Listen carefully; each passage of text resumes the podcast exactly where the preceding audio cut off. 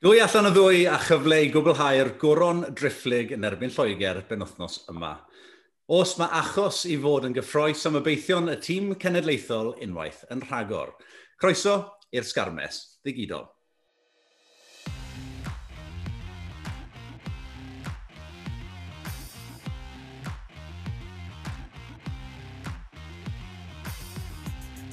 Wel, Naid ag Elnor sy'n ymuno gyda fi unwaith yn rhagor i drafod hint a helyn rygbi Cymru. Siwr i chi, boes?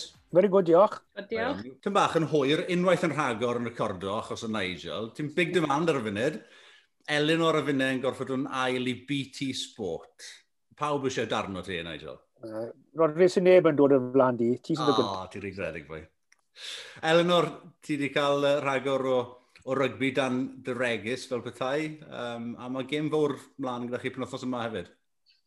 Oes, mae dyn ni uh, Gloucester yn dod lan ar disadwn, um, so ie, yeah, gêm mawr, a rhwng Bryste a Gloucester mae yna bydd yna tua 14 o chwaraewyr Gymru yn chwarae yn erbyn ei gilydd, so mae'n ei fod bach fel Cymru yn erbyn Cymru.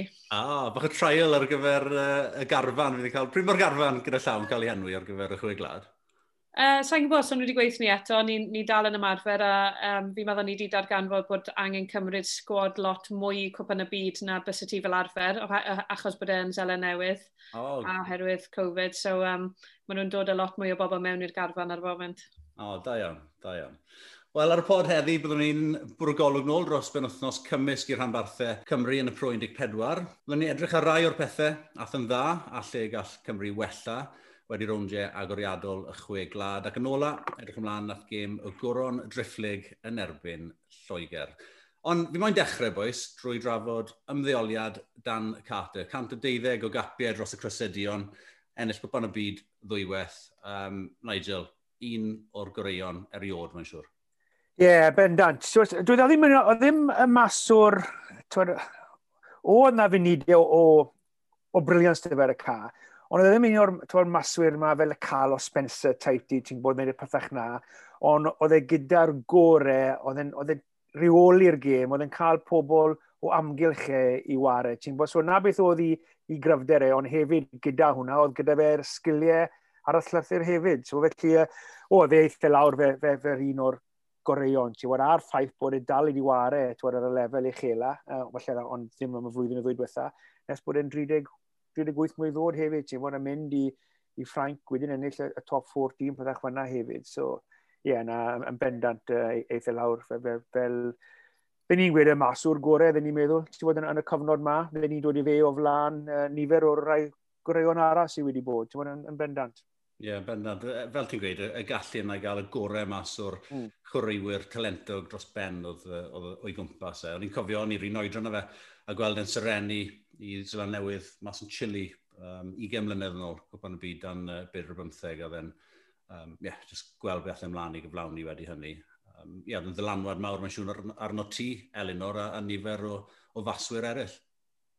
Oedd yn bendant, a fi wedi gweld ar y cyfryngau bod e wedi gweud bod e'n gobeithio bod e wedi ysbrydoli hyd yn oed just un, un person i fynd allan a, a chwarae a moyn y gorau, a fi'n siŵr bod wedi ysbrydoli miloedd o chwaraewyr i, i eisiau mynd mas, a ffordd oedd e'n chwarae, a pethau oedd e'n neud, fel Nigel yn gweud, y ffordd oedd e'n rheoli'r gêm, a gweld pethau falle o chi ddim yn gweld, um, mae ma, yn ysbrydoliaeth mawr, ydy. Gwych, wel, dewch ni droi'n glygon, achos oedd y prwy'n 14 yn ôl dros y penwthnos, oedd e'n gymysg falle i'r rhanbarthau e Cymru. Dechreuwn ni gyda'r gêm nos Wener, Eleanor, dreigiau yn dod yn agos iawn, yn agosach na fydde nifer o bobl yn disgwyl falle i giro y pencampwyr Leinster. 35 i 29 oedd e ar Rodney Parade yn y pen draw, ond mi allai'r dreigiau fod wedi mynd, ar, mynd, mynd ar uh, fuddugoliaeth.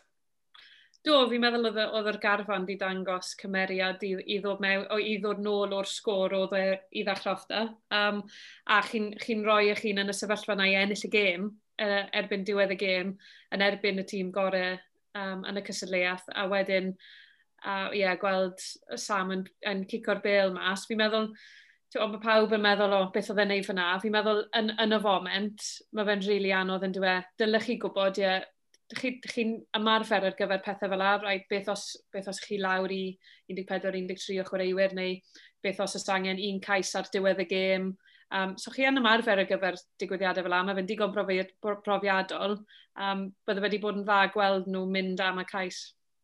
Ie, yeah, y ffordd rhedon yn ôl wedi i Josh Lewis sgorio'r cais yna, un uh, cyfle ola ganddyn nhw o'r ail ddechrau i fynd amdani. A pawb wedi gwybio nôl fel bod nhw'n reit, mae'n cyfle fan hyn gyda ni i, i fynd amdani ac i ennill. A ymateb Sam a, a'r chwaraewyr o'i gwmpas, um, ti'n bach o siom fi'n credu ar, ar y chwiban ola, bod wedi falle colli feddwl, fel nath Gareth Davies falle yn, yn erbyn Iwerddon, jyst colli feddwl am eiliad, a, a colli'r cyfle yma i giro y pencampwyr. Ond dyna ni, yeah, dwi e ddim yn byth hawdd i fynd 70 metr a, a sgorio cais yn erbyn y, y pencampwyr. Ond ie, yeah, Nigel Do, o ti'n nôl yn, yn dyfarnu, gwelch yn erbyn Zebra, siarad ni ddim gormod yn fyty'r gêm yma, oedd hi mor, mor boenus i ddyfarnu'r gêm yna ac oedd hi i, i, i wylio. Ie, Yeah, i, i fod yn onest, oedd hi'n gef ddiflas nag oedd hi, ti'n bod lot o gamgymeriadau, lot o gicau cosp, um, camgymeriadau, cic o gormod, tywydd yn ddiflas. Mae rhaid i wedi, oedd hi, oedd y wyneb y can yn slip iawn, yn sydd ymlaen un yn slip o cwpl, cwpl o weithiau, so oedd e yn slip i fod yn deg, ond on dal i fod yna, ti'n bod, oedd hi yn game, game ddiflas, ti'n bod Diolch byth bod ddim cefnogwyr yn y stadiwm, ac fi'n siŵr bod y lot o'n i wedi gadael cyn, cyn diwedd yr 80 munud na'n na, bendant. Ti'n bod, dwi ddim yn gwybod beth sy'n bod, dwi ddim yn gwybod achos ffaith bod ddim cefnogwyr na, dwi ddim yn gwybod, ond ti'n bod chwaraewyr ifanc ar y cana, ti'n bod, ti'n meddwl pan welos i, ti'n bod y chwaraewyr ifanc yn y mas o'r sefyllfa newydd, a meddwl, ni'n mynd nabod rhai o'n nhw, ti'n bod hyd yn oed? Mm. A ni'n meddwl, wel, mae ma gyfle heddi nawr, ti'n bod, i rei ni, just lledi'r bel, mynd mas, mwynhau a just war ar rygbi. Um, dim gormod, achos yn 50, mae'n rhaid i ddala lan nhw, a bron yn hmm. bod yn 50.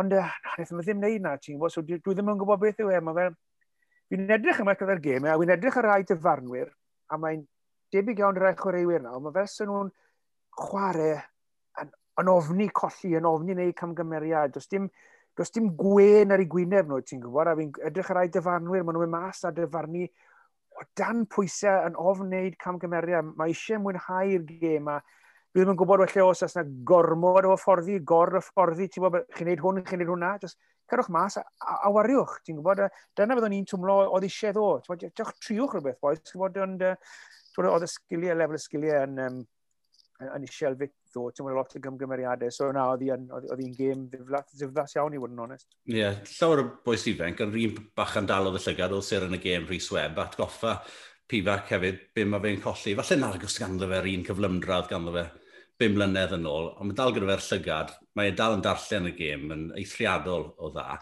Um, yeah, just atgoffa Wayne Pifac, falle bod dal rhywbeth ganddo fe i'w gynnig. Uh, gym ola neithwr oedd gleision uh, dranbarth gartredu Elinor, colli mas yn conot, 32-17. Be nes o'r perfformiad yna? Ie, yeah, ond nhw'n edrych yn eitha grif yn yr hanner cyntaf, um, sgorio cwbl o ceisiadau, ond wedyn yr ail hanner oedd oedd just amddiffyn nhw, yna o gormod o camgymeriad yn yr amddiffyn, nath ysgellwr Wotton wneud llwyth o, o waglef yna a ti'n sgorio doi cais dylai fe ddim fod wedi. Tiwad, ond nhw ddim wedi gweithio'n galed iawn i gael y ceisio yna, oedd e jyst yn, yn neud rhywbeth o, o dim byd, really. Um, ond positif o'r gêm yna oedd gweld Ellis Jenkins yn chwarae 70 munud a para'r para, para 70 munud, so oedd yna'n positif. Perfformiad gorau'r penwthnos, mae'n thebyg gan, gan y Scarlets yn curo Benetton 41 o bwyntiau 17. Perfformiad hanner cyntaf, gwefreiddiol. Um, falle tynnu'r drododd ei ar y sbardyn yn yr ail hanner. Ond Jack Morgan, oedd e'n wych. Ti di gweld e'n whare, Nigel, dyfodol uh, arbennig o'i, o'i flanau.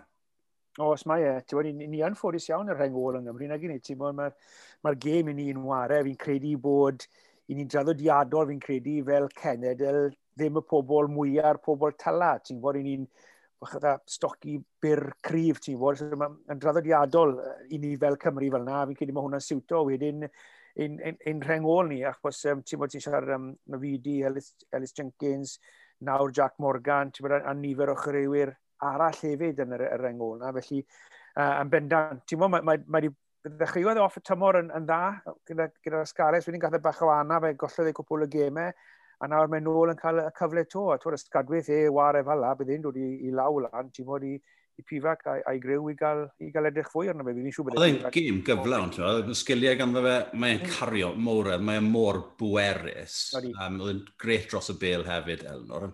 Pam bod ganddo ni'r holl dalent yma mewn un blincyn safle. Pam sy'n gallu lledu nhw draws y car, thym bach, a cael fwy o ddyfnder rhywle arall ar y car. Y theori Nigel yn rili really diddorol sydd wedi clywed hwnna ar blaen. A ti'n bod y ffaith fi'n fi, cytuno ni yn fach fel genedl o ran taldra. Um, ni'n gweld e gyda'r merched pryd ni'n leino lan yn erbyn bron unrhyw tîm arall yn, y, yn yr byd, chi'n edrych ar yr anthems, ni fan hyn a maen nhw fyna. Um, hmm. a mae dyn ni'r un peth yn y merched, mae dyn ni'r rengol anhygoel, um, just, just yn, y, yn y safle yna gymaint o dyfnder. So, actually, really diddorol, a fi'n fi, fi cytuno fyna bod e oherwydd bod, bod dyn ni ddim y taldra, mae fe'n siwto'r safle. Ond mae damcaniaeth, damcaniaeth fi yw, mae y saith yn safle wyt ti'n gallu dylanwadu ar y gêm yn fawr iawn. Felly, ie, yeah, theori fi yw bod tîmoedd yn wedi'i ieuenctid yn rhoi chwaraeo'r gorau nhw falle yn y safle yna.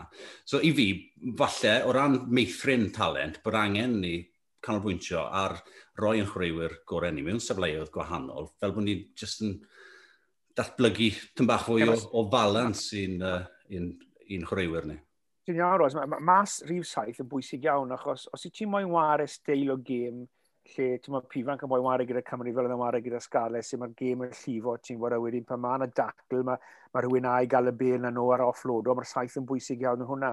Mae'r saith hefyd yn bwysig iawn yn ymddiffyn, achos fe yw'r bachan cyntaf tueddi sy'n bod mewn na yn grif dros y bel, ennill cic-os, neu, neu dwy'n y bel drosodd. Felly mae rhif saith yn, yn adfantol, adfantol iawn, a felly bod ti'n iawn, beth ti'n gweud hwnna. Ti'n gwybod, mae'n mae safle os oes rhywun, fi'n credu nawr, yn hatrach na'r wylo am y chwaraewyr, um, pa safle sy'n siwtio chwaraewyr. Fi'n credu nawr felly bod nhw'n wylo am chwaraewyr i fynd i safleoedd maen nhw moyn nhw i, i, i wario fi'n credu. Fi'n credu dechrau cyrraedd y pwynt lle mae'n bwysig nawr bod, bod sanfod yr undeb neu um, y fforddwyr uh, ieuenctid Cymru yn dechrau wneud hynny fel bod so ni eisiau saith ffantastig yn dod trwy o bob blwyddyn. Mae rhywun fel Jack nawr, mae eisiau symud efalle i fi draw i, i rhif chwech nawr yn gynnar a'i ddatblygu e fel, fel rhif chwech, fel bod ganddo ni rhywun ffantastig, mae, mae gymaint o ddyfnder gyda ni rhif saith. Sa'n gweud na lle Jack fy mlaen i fod y saith gorau yng Nghymru, o'n yn ar ei berfformiadau ddo, mi alle fe, ond wedyn byddai'n dragedy sef rhywun fel Jack wedyn just ddim yn cael y cyfleoedd achos to fe yw'r trydydd gorau falle yng Nghymru a ddim, ddim yn cael y cyfle i gamu mlaen. Ta beth sgwrs ar wahân uh, yw hynny. Um, Dych ni symud mlaen at y chwe glad, Elinor, dwy fuddugoliaeth um, sgôr allan o ddeg i Gymru, um, yn seiliedig ar y, y ddau berfformiad yna. Maen nhw wedi gwneud beth o'n nhw angen. Maen nhw wedi ennill y ddoi gêm. Um, a wedi cymryd llwyth o pwysau o'r tîm hyfforddi, fi'n meddwl, o ran um, cyhoedd Cymru. Um, maen nhw wedi... Mae ma llwyth o bobl yn gweud, o, maen nhw wedi ennill oherwydd, tiwod, 14 ar y cae gyda'r ddoi tîm.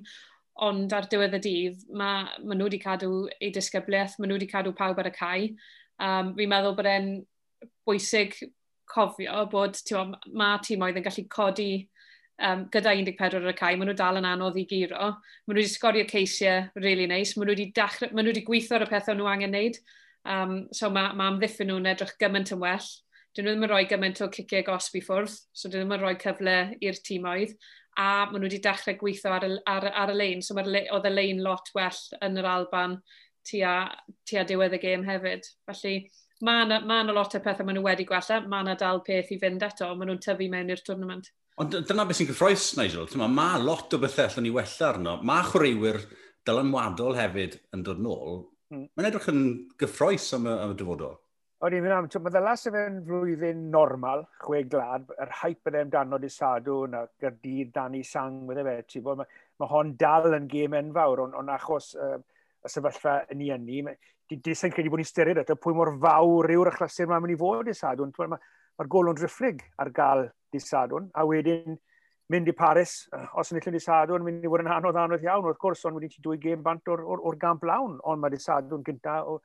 Wrth gwrs, i fel y ti'n gweud, mae cwbl o chwaraewyr nawr uh, wedi dyn nôl um, i ffitrwydd um, barod i cael ei, ei dewis. Mae'n mynd i fod yn ben tost i pifach fi'n credu, i, i ddewis i, i dîmau e, sy'n beth, sydd yn beth da i fod yn onest, um, Rods, fi'n fi credu, on, on, o'n i yn ffodus i fi ddi Iwerddon, fi'n credu, uh, gyda 14 dyn, er, war erbyn 14 dyn, fi'n credu o'n i yn, yn lwcus myna, uh, wedi fel nath y gêm i orffen.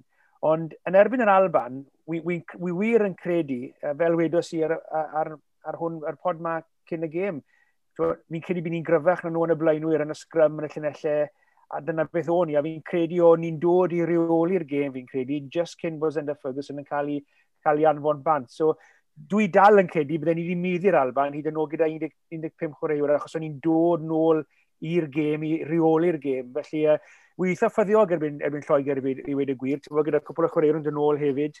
Um, a gwella ni'n mynd i wneud nawr bob gêm. So, yeah, wy'n wy, wy, wy ffyddiog iawn ac rhywbeth i ddisgwyl mlaen i yn, yn fawr iawn. Wy jyst yn gobeithio nawr wneith e bigo i dîm a pigo'r chwaraewyr sydd yn haiddi dechrau eto neu sy'n wario'n dda anag, e, achos bod hi'n y ddoi wella'n ffit bod, pigo nhw achos i enwau nhw. Ti'n bod mae rai ni'n siw bod ni'n pigo ein tîm gorau ni ar, ar gyfer di yn wella bod ni'n ddoi chwaraewyr eisiau gêm ac yn ddwy gynta i ddyn nôl i'w gorau. Ti'n gwybod, so gobeithio bydd yna gyfle i nhw i wneud na cyn diwedd y chwe glad hefyd.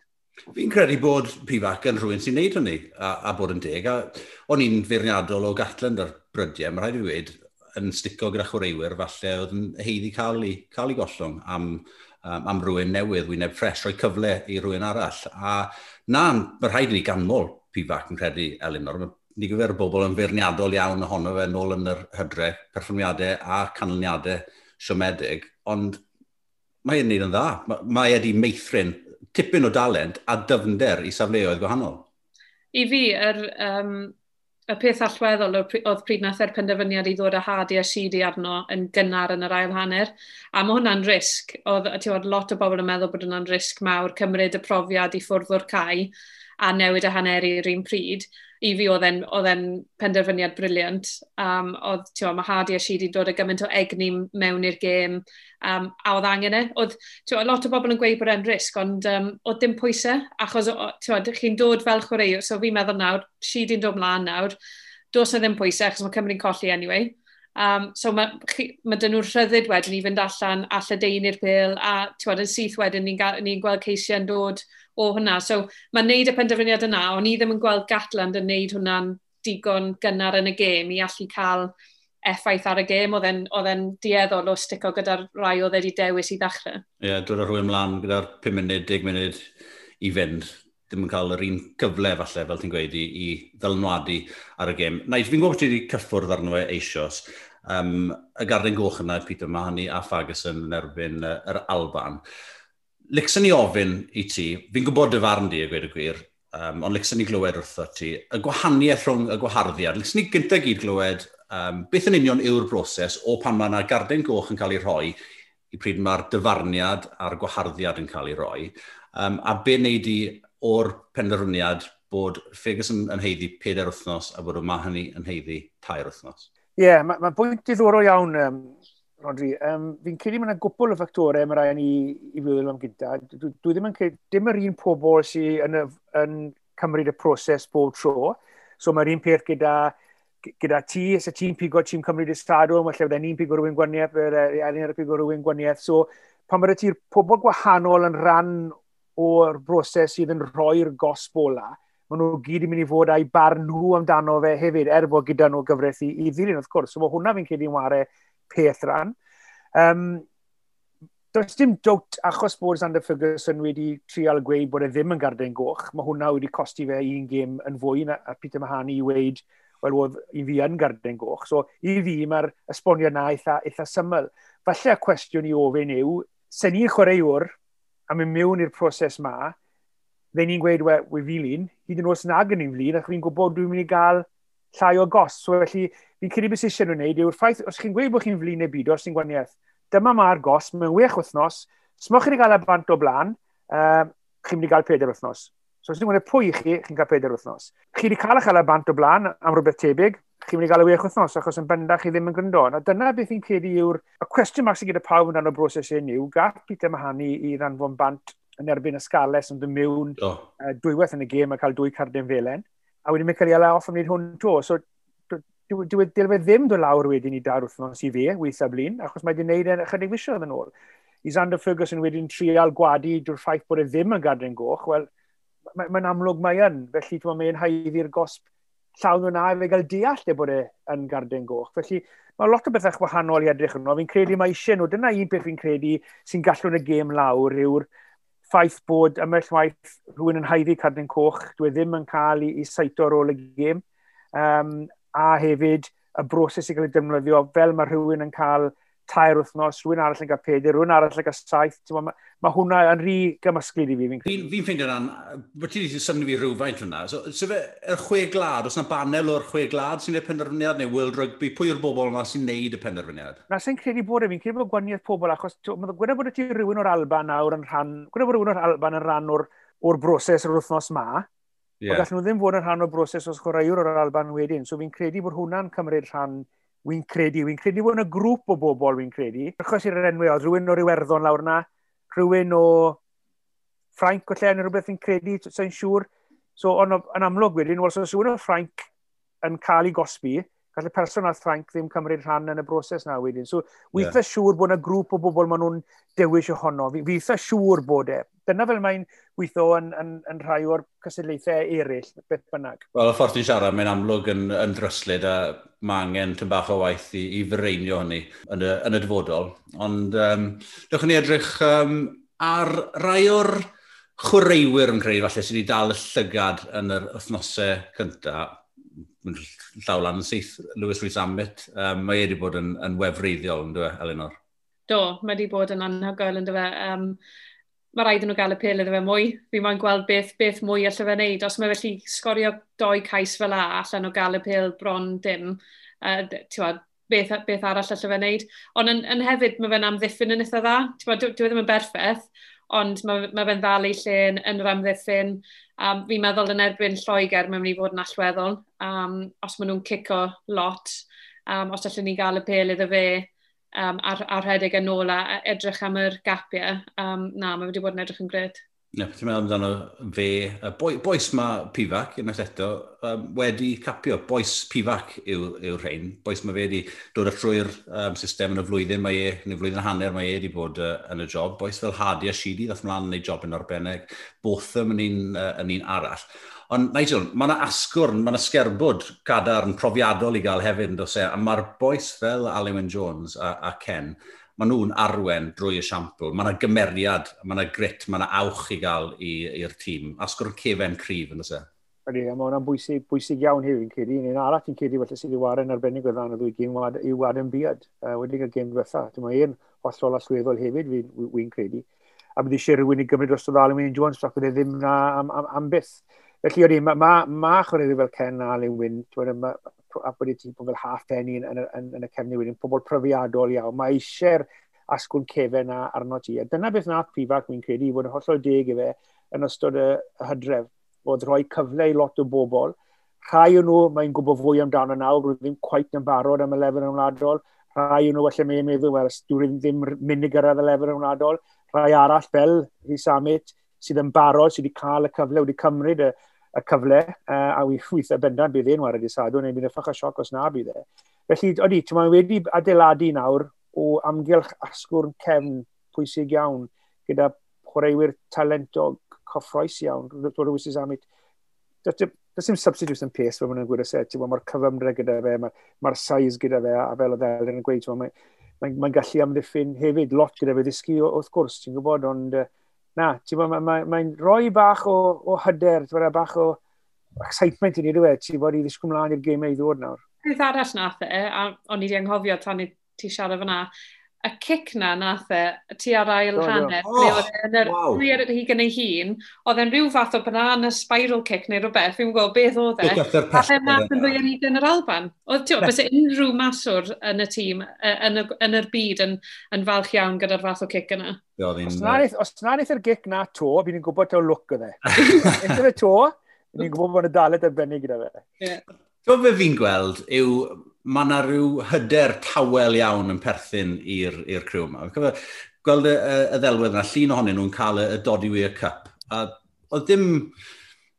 Ond nhw'n sefyll yna yn derbyn y, y cwpan yma, yn dawel, dim dathliadau. Mae, mae llyged nhw ar rhywbeth mwy. Mae, mae nhw eisiau mwy na just y Dodi Weir Cup y tymor yma. Mae, mae nhw'n llygadu rhywbeth mwy. Oedden, achos beth sy'n mewn gyda nhw, um, mewn yn wythnos ma nawr, dydd iau fi'n credu, fi mewn wythnos ma. A pan es i mewn yn dydd iau cyn gêm yr Iwerddon, ti'n bod o'n edrych yn ffocust iawn, oedd edrych tipyn o chwyl yn y garfan hefyd, ti'n bod, a, a nhw'n edrych yn siarp iawn ar y ca, pawb yn gwybod beth ydy'n wneud, pawb yn canolbwyntio, a ti'n bod, o'n i desi ofyn am ddod ffach, ti'n bod, mae'r ein edrych yn siarp, ti'n bod, a, edrych yn well a fi wedi gweld nhw spel fach i weid y gwir, felly ti'n ti ollol iawn, ti'n bod, ma, ma nhw'n, ti'n bod, ti pobl fel Ken, ti'n bod, pobl fel Alwyn Jones, heb yn gofio bigger hefyd, ti'n bod, dim nonsens y chwaraewyr yma. Ti'n bod ni'n ni ma, ni'n broffesiynol, ni'n mynd i mwynhau, ond mae swydd o'n jobyn dyn ni'n neud hefyd, a, a dyna beth mae'n edrych i fi, fel sy'n nhw'n neud na, maen nhw'n broffesiynol iawn, tipyn o hwyl a, a tynnu ti gilydd yn y garfan hefyd i weld. Mae'n amor bwysig cael y balans yna, achos y ddiwedd y dydd, gêm yw e, mae rhaid i chi mwynhau y profiad o fod yna yn, yn y camp. Um, a mae'n gwneud e gymaint yn haws pan i chi, pan i chi yn ennill wrth gwrs bob wythnos. Ond sy'n ni'n dychmygu wedi'r penwthos diwetha, um, y fuddigoliaeth yna i Ffrainc yn erbyn Iwerddon. Ffrainc yw'r ffefrynnau ar gyfer y gystadleuaeth eleni Elnor. Odyn, um, os, odyn ni'n mynd i weld mwy o drama gyda'r um, gyda profion positif yma o Covid. Um, Tio, mae yna pimp chwaraewr allan ar hyn o bryd o'r gêm nesaf. Um, un o'n nhw'n allweddol. Dupont. Yeah, Dupont. Allweddol, yn dweud. Ond dwi e ddim jyst bod nhw allan o am deg ddiwrnod a byddwn nhw syth nôl mewn. Mae'r ma mae ymarfer, ma, bydd angen neud bach o return to contact arnyn nhw ar ôl ddim gallu neud contact achos mae rhaid nhw aros yn neud ti'n yn tŷ nhw neu beth bynnag. Ond hefyd, os maen nhw'n cael symptomau, um, mae pobl wedi dechrau gweld nawr bod, bod effeithiau ar ôl, ar ôl yr deg diwrnod yna'n gallu cario ymlaen. Mae rai o chwaraewyr ni uh, gath Covid ma, cyn dolyg dal ddim yn ôl yn chwarae. Um, mae'n effeithio pawb yn wahanol. Mm. Dim dal siwp mae'n mynd i effeithio nhw, Dim ots pa mor ffit yn nhw. Ma, ma, bydd angen traco nhw, bydd angen traco curiad y galon nhw i weld sut maen nhw'n ymateb i ddod nôl, at, i, ddod nôl i rygbi. Wel, cyn i ni ddechrau meddwl am beth i Ffrainc, wel, Lloegwer wrth gwrs yw'r gwrthwynebwyr nesaf. Dewch ni symud mlaen nawr i siarad am y gêm fawr ddi Sadwrn am y goron Rifflig. Ti'n mae, mae Cymru ar i fyny, ydyn nhw. Maen nhw yn gwella pob gêm os maen nhw'n parhau i wella. A Lloegr ar y llaw arall yn stryglo bach. Dyn nhw ddim yn edrych fel bod nhw'n cweith yn siŵr pa ffordd maen nhw'n mynd i chwarae. Maen nhw wedi bod yn cico'r bel i ffwrdd llawer, um, ond dwi ddim yn mynd i fod yn hawdd o gwbl. Um, pac Lloegr dal yn gryf iawn. Um, fi'n meddwl bydd yna lot o bwysau ar y lein uh, pen wythnos yma. Os mae Lloegr yn mynd i tywed, cael y tacteg o cico i Gymru, bydd rhaid nhw cico i gico fe mas. So nhw moyn pobl fel Liam Williams a, a Rhys Amet redeg yn ôl at nhw. Os maen nhw'n lli cico'r bel mas, a wedyn um, ti'n really challenge o lein Cymru, wel, wedyn bydd, bydd, bydd gêm yn bydda, e, gan i weld. Ie, yeah, nice. Lloegr bendant ddim ar ei gorau. Ddim, no. ddim yr un tîm o wylon ni yn, uh, yng Nghwpan y byd flwyddyn a hanner yn ôl. Ond maen nhw dal yn dîm peryglis, yn dyn nhw? Odi, maen nhw yn. Uh, ond dwi'n ddim yn wario gyda lot o hwyl ar y foment. Nag nhw ti'n bod, o'n nhw'n ddiflas iawn yn erbyn yr Alban. Mae'n rhai, ma rhai gweud yn ddiflas iawn o'n nhw'n eitha ffodus yn erbyn yr Eidal. Gaethon nhw dair cais, dyn nhw ddim wedi cael yn erbyn yr Eidal. Dwy yn bendant, un arall, mi wi eitha siŵr oedd ath y bel mlaen. Uh, ond dwy gais yn bendant, ti'n bod, so yn sydyn iawn wedyn, mae'r ma sgôl yn hollol wahanol. Um, ond fel ti'n gweud, ti'n bod, os nhw'n droi lan a wario fel wnaethon nhw efo'n zelen newydd yn rhwng o'n gynderfynol yn cwpan y byd, am ti'n mae strwythyr yn fwyaf tîm na dal gyda nhw. Wedyn, maen nhw'n mynd i fod yn anodd iawn i, i fydd nhw, ond uh, Os maen nhw chwarae fel a eto, os yw'n gobeith gyda neb yw bod... Na, gos, na, ti'n iawn. Ond, um, na, dyn nhw ddim yn chwarae yn, yn dda ar y foment, ond, ti'n bod, erbyn Cymru, maen nhw'n mynd i godi gêm, erbyn ni'n codi gêm erbyn nhw. Uh, ni fi'n credu yw'r ffefrynnau, ti'n bod, ni'n ennill dwy gêm, dyn nhw ddim yn wario dda. Um, dyn ni ddim yn wario, ti'n mor dda ni eto, dyn ni ddim nôl ar, ar yn gorau. Ti'n bod eto, o, o bell, mae'n lot o'ch waith i wneud to, ond um, Ie, yeah, na, fi'n fi, fi credu os gallwn ni reoli'r gêm, uh, a fel oedd Elnir yn gweud, ti'n bod, mae'r bydd y reoli'r sgrym a'r llinell, ti'n bod, mae Itoji'n dod i hunan yn y llinell na, ti'n bod, yn nistrio pel y tîm arall, dwi'n gyda'n byllu bel, ti'n bod, mae'n mae dda iawn yn, yn atal y tîm lan, lan set lan, sgarmes symudiol, felly ti'n bod, os bydd rhywun fel fe yn cael mynd mewn y misg blaenwyr Cymru, bydd eithaf dipyn o, o broblem, ond uh, na, wedyn ni'n hyderus fi'n credu, ti'n bod, uh, os newn ni waran dda di sadwn, um, bydd by, ni'n wyll tîm nhw. Elinor, Nigel Sofnant di'r tri chais, falle na ddylse wedi cael ei caniatau yn erbyn Iwerddon. Fi eisiau siarad am di, uh, cais Johnny May, cais cyntaf Johnny May. Fi'n gwybod beth yw'r rheolau, a Nigel yn gwneud hynny'n hollol glir, di chi ddim cael neidio dros y taclwr. Ond diw, ti'n moyn gweld y pethau fel, fel cefnogwr, ti'n moyn gweld y moments hudolus yna, nag wyt ti? Ie, yeah, ti moyn gweld y rai fel na Three Summit sgorio, um, achos mae hwnna'n, ti'n modd, maen nhw'n deifio am, am yr llinell, ond i fi mae fe'n eitha beryglis i neidio fel nath e gyda'r gyda, gyda taclwr fyna. Os bys ni'n taclo fe fyna a mae penglinau mynd mewn i'n penni neu, neu rhywbeth fel la, um, fi, fi ddim actually'n cytuno gyda'r cais yna. Um, a unwaith, unwaith chi'n dechrau galluogi ceisiau fel yna cael ei sgorio, tiod, wel, beth arall, oedden ni'n mynd i weld pobl yn neidio bod, a, o gwmpas y ryc a pethau fel la, fi, bod, na, fi, fi ddim rili'n really cyfforddus gyda, gyda cais fel la. Ti'n cofio nôl i'r 80au, um, e, cwpan y byd, 1987, ti'n cofio um, best tries. Bachan yn rhedeg dros y scrum, ti'n cofio un o'ch rhywyd sy'n newydd o dde, off cefen y scrum, 5 metr allan, yn llythrenol, rhed o dde, cymryd y bil a rhedeg dros y scrum a sgorio cais. Bring it back! Nath nhw gallu oed ni, hwnna, hwnna'n iawn. O, do, crazy, anhygol. Na, ti'n gwybod, ond on, beth bynnag ti'n neud gyda penderfyniad Johnny May, a fe wedi glir y blaen, yw os ydych chi'n credu bod e wedi neidio gyntaf er mwyn ysgolio ei dacl, mae hwnna'n hollol anghyfleithion. A'r gwaniaeth rhwng o fe a beth nath yr Isamet i sgorio'r cais yw'r gwaniaeth adfer y cais i fod. A'r neges, y neges sydd wedi dod nôl o, o World Rugby yw'r ffaith bod hwnna ddim yn gais, ti bod, bod, bod y math na o chwarae nath Johnny May ddim yn gyfleithio'n y dylai wedi fod yn, yn gicos, achos fel mae'n erin yn gweud, beth sy'n mynd i ddigwydd wedyn, ti'n gwybod, ond yw, sy'n un o ffordd o'n chwaraewr, just jwmpwch yn yr awyr a chi ffili cael eich taclo. Ti'n yeah. gwybod, mae'n broblem arall yn y gêm wedyn, felly na, dwi'n bendant i fi, i fi jwmpo ddeg gynta a dim cais, a dyna'r neges i wedi dyn ôl. Mm, no, I ddim mewn i hynny, ond nath, nath half penny, gath ei gosbi, yn fe, gath ei gosbi ni erbyn yn erbyn yr Alban, un chwrwywyr yr Alban wedi neidio mewn i'r dacla, gath ei gosbi ni erbyn. Ewn i ddim mewn i hynny. Oedd bach yn ffodus fi'n credu fyna. O'n i'n meddwl bod e hefyd. Dwi'n nath ei bydd yn anghywir, neud y boi mewn i fe sy'n hollol wahanol. Ie, yeah, reit den. Edrychwn ni mlaen at y, y gym yma ddi sadwr. Pa newidiadau, Elinor? Mae'r pac i fi bron wedi dewis i, i hun, falle bla, blaen sgellwr tywyll, falle yw'r un um, newid. Um, le fydde ti'n gweld uh, pifac yn um, yeah, neud y newidiadau? Ie, yeah, fi'n cytuno bys ni'n cadw'r pac yr un peth, ond dod yn y fyd i mewn um, i'r Cris Rhif Chwech. Um, bys ni actually'n dechrau gyda Hardy fel rhif naw. Um, bys ni'n hoffi gweld um, fe a Big yn chwarae deu gilydd a gweld siwt mae y ffordd mae Hardy chwarae yn gallu dylanwadu ar siwt mae Big yn chwarae. Um, bys ni'n bendant yn dod o George North nôl mewn i, i canolor. Um, a os mae Johnny Williams yn ffit, oeddi e'n ffit eto? Fi'n credu bod e. Mae'n credu bod e'n... Wel, ie, yeah, bys ni'n siŵr o fod yn dod â fe a George North nôl mewn. Liam Williams uh, fel cefnwr a Josh Adams nôl ar yr asgell. Ie, yeah, na fi di nôl yn chwech yn bendant. Um, mae angen rawch gorfforol. Oes, oes, mae'n bendant. Wedyn erbyn Lloegr, ti'n gwybod? Um, mae eisiau bod yn grif dros ardal y dacl erbyn Lloegr, neu ti'n mynd i gael ei gwythio bant o'r, or ardal y dacl yna. Um, Does dim lot i ddewis oes e rhwng, rhwng y Hadi a, a Gareth dwi, dwi ddim yn credu. Ti'n gwybod mae'r ddoi nhw'n chwaraewr arbennig o dda. Um, a dwi ddim yn gweld lot o wahaniaeth pwy sy'n dechrau pwy sy'n ddim. Mae'r ddoi nhw'n mynd i fod yr rhan bwysig o'r gêm na di sadwn. Naill llai, ti'n gwybod, Shidi a, a Hardy dod arno, uh, neu Shidi a Hardy yn dechrau. Ti'n gwybod, mae hwnna law fi'n credu i, i fel maen nhw moyn wario'r gêm a ble maen nhw'n credu maen nhw'n bwysig i nhw ennill y gêm na.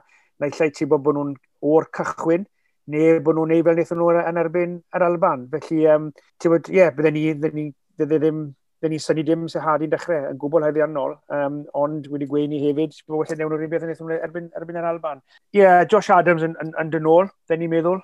Dwi'n siŵr os, os yw half penny yn, yn ffit, bydden ni wedyn dod i um, Liam Williams nôl yn, yn, yn cefnwr, a wedyn uh, Josh Adams a, a Zami Tris wedyn uh, yn, yn y canol credu bod Foxy nôl yn ffit i fyd, ond licen i weld e'n cael o leia hanner o rygbi cyn bod e'n dod nôl i gêm rhwngladol fel yna, ti'n gwybod? Um, Ges i'n syni na, na gafodd Foxy i ryddhau falle i wario i'r Scarlett, os oedd e'n ffit i wario pan wythnos yma, byddai cael, fel ti'n gweud, just hanner yeah. um, ar, ar y card yn ei tipyn o, o um, i'w obeithio ni i, mm. i ddechrau. Sa'i gallu gweld um, pi fac yn mynd amdano fe i ddechrau yng nghanol cael. Yn credu bod yna opsiynau gyda ni o gyr gwir, nath hala holon wych, o'n i'n meddwl, um, pan ddalle ymlaen.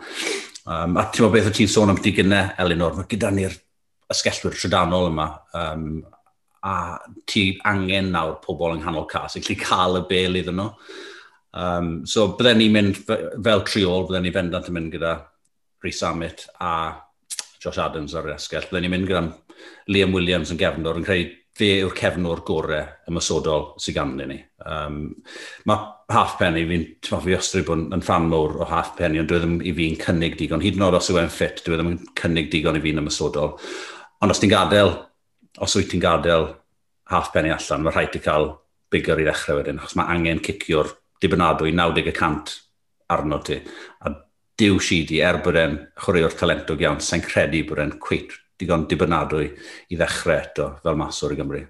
A dyna le mae'r cwestiwn yn dod ti'n gweld, fe, o amdesadwn, a ti'n, os yw'r gêm yn fod yn agos, ti'n moyn rhywun i reoli'r gêm yn yr 20 munud ola yna a cicio'r cic-os yna i ennill y gêm, a'i pyrnu yw'r amser gorau cael bigger ar y ca. Felly, mor, mae pobl yn gweud, o, dechrau'r bigger, dwi'n rhan o Sidi, wel, falle dechrau gyda Sidi a wedyn os, os pan mae eisiau reoli'r gêm, ac wy'n rhaid na'r boes, ni'n ni mynd reoli'r gêm yn ola i nawr, a mae eisiau ni gico'r kick-os yna i ddod i ni doi sgwr ar y blaen neu rhywbeth, felly ti'n moyn bigger ar y car prynu falle, ti'n moyn, e- mae lot, lot o waith meddwl fi'n credu cyn dewis... Newid y meddwl i wneud, na'r beth i wedi gwneud na, fi, fi yn licor cynllun yna, mynd allan yna gyda olwyr, ti'n gallu dychmygu'r yr, yr olwyr yna, Hardy, Sheedy, uh, Johnny Williams, George North, y tri ôl gwefreiddiol yna, ti'n gallu bod yn gyffroes yn hwnna, mm. Sain, fi, fi dal ddim yn meddwl dylen ni, um, ti'n di'n mis o'r cics yna. Um, Bys fe wedi mynd mewn i'r gêm yna yn gwybod bod e'n, trydydd cicwr.